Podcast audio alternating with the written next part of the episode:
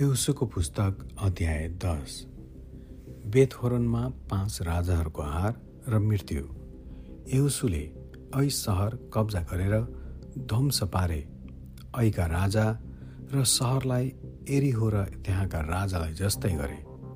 र गिबोनका बासिन्दाहरूले इजरायलीहरूसँग सन्धि गरेर बसेका छन् भन्ने खबर एरुसलेमका राजा अतोनिसेदेकले पाए।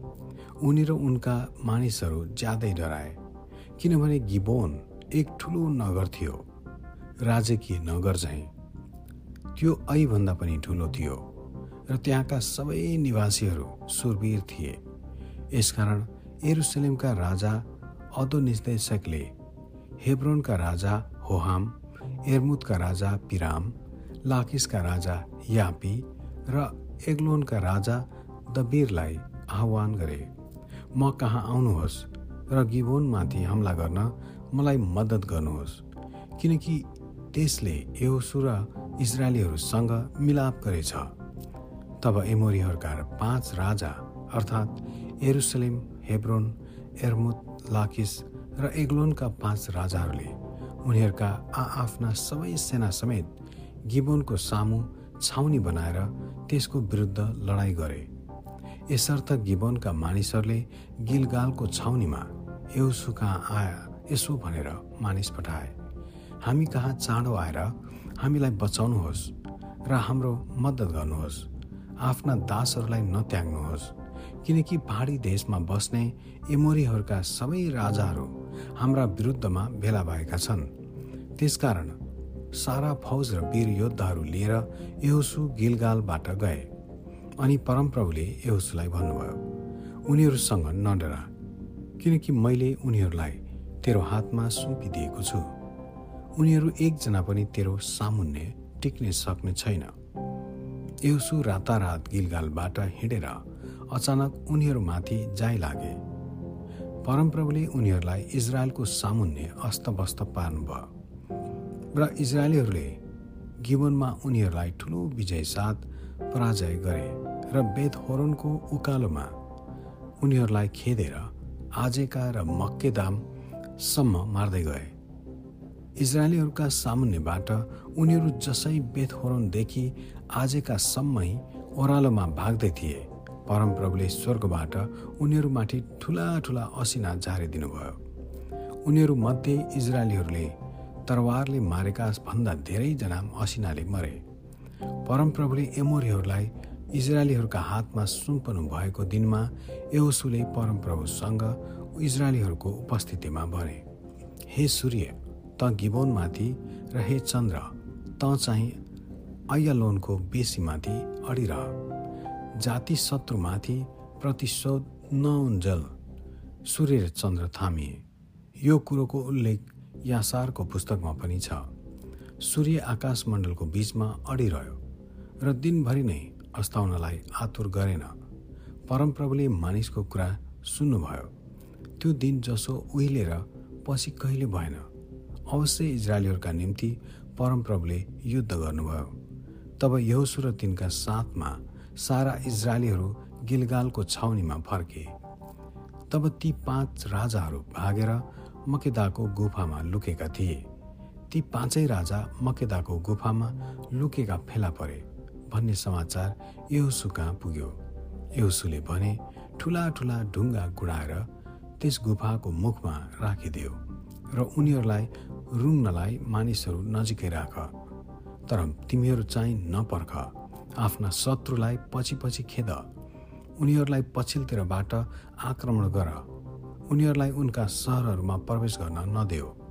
किनकि परमप्रभु तिमीहरूका परमेश्वरले उनीहरूलाई तिमीहरूका हातमा सुम्पनु भएको छ। जब यहोसु र इजरायलीहरूले उनीहरूलाई संहार गरे सत्यनाश पारे र बाँचेकाहरू जति थिए उनीहरू पर्खालले घेरिएका सहरहरूभित्र प्रवेश गरे।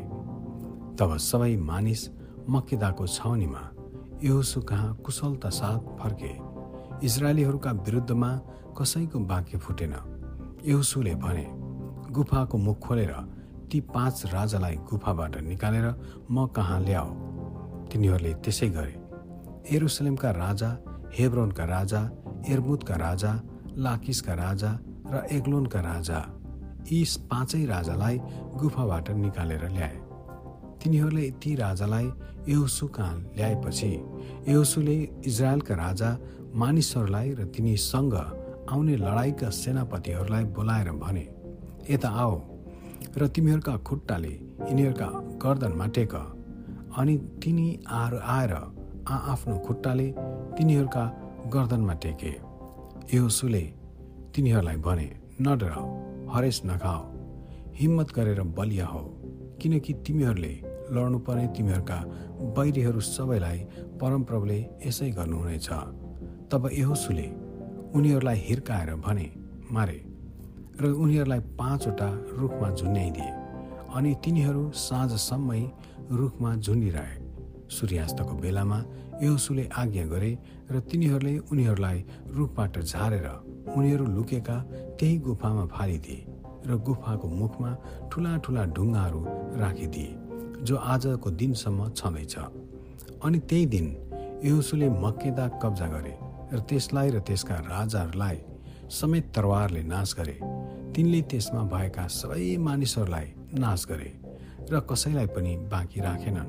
तिनले यही रोका राजालाई गरे जस्तै मक्केदाका राजालाई पनि गरे। दक्षिण कनानको विजय।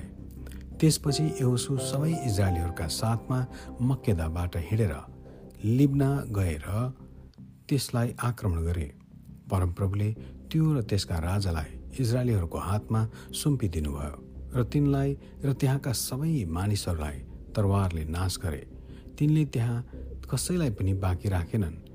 एरिहोका राजालाई तिनले जसो गरेका थिए त्यहाँका राजालाई पनि तिनले त्यसै गरे। तब यहोसु सबै इजरायलीहरूका साथमा लिम्नाबाट हिँडेर लाकिसमा गए र घेरा हालेर त्यसलाई आक्रमण गरे। परमप्रभुले लाकिसलाई इजरायलीहरूका हातमा सुम्पिदिनुभयो र दोस्रो दिन तिनीहरूले त्यो कब्जा गरे अनि त्यसलाई र त्यसमा भएका सबै मानिसहरूलाई तिनले लिब्नालाई गरे बमोजिम गरे। तरवारले उनीहरूलाई नाश गरे। त्यसै बेला गेजरका राजा होराम लाकिसलाई मद्दत गर्नलाई आए तर यहोसुले कसैलाई पनि जीवित नराखी। उनलाई र उनका सेनाहरूलाई पराजीवित गरे। त्यसपछि यहोसु सारा इजरायलीहरूका साथमा लाकिसबाट हिँडेर एग्लोनमा गए। र तिनीहरूले घेरा हालेर त्यसमाथि आक्रमण गरे। तिनीहरूले त्यही दिन त्यसलाई कब्जा गरेर तरवारले नाश गरे। तिनीहरूले लाकिसलाई चाहिँ त्यहाँका सबै प्राणीलाई तरवारले खतम गरे। तब योसु सारा इजरायलीहरूका साथमा एग्लोनबाट उक्लेर हेब्रोनमा गए र तिनीहरूले त्यसमाथि आक्रमण गरे। तिनीहरूले त्यो सहर कब्जा गरे र त्यसलाई र त्यसका राजालाई र त्यसका सबै गाउँहरू र तिनमा भएका सबै मानिसहरूलाई तरवारले नाश गरे। तिनीहरूले कसैलाई पनि बाँकी राखेनन्।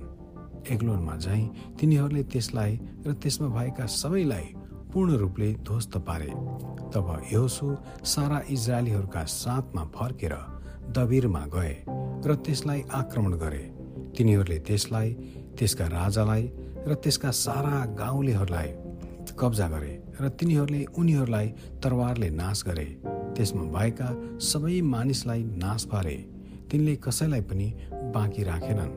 तिनीहरूले हेब्रोन र लिब्ना तथा त्यहाँका राजालाई झैँ गरे। दविर र त्यसका राजालाई पनि गरे। यसरी योसुले सबै देश अर्थात् पहाडी क्षेत्र नेगेब भनिने देश दक्षिण तराई र पहाड र त्यहाँका सबै राजाहरूलाई समेत परास्त गरे। तिनले एउटालाई पनि बाँकी राखेनन्। परमप्रभु इजरायलका परमेश्वरको आज्ञा बमोजिम सास फेर्ने जति सबैलाई तिनले नाश पारे। यौसुले कादेश बर्नेदेखि लिएर गाजासम्म र गेसोनदेखि गिबोनसम्मको सबै क्षेत्रलाई परास्त गरे। यी सब राजाहरूलाई उनीहरूका देशहरू समेत यहुसुले एउटै धावामा जिते। किनभने परमप्रभु इजरायलका परमेश्वरले नै इजरायलीहरूका निम्ति युद्ध गर्नुभएको थियो। त्यसपछि यहोसु सबै इजरायलीहरूका साथमा गिलगालको छाउनीमा फर्के। आमेन।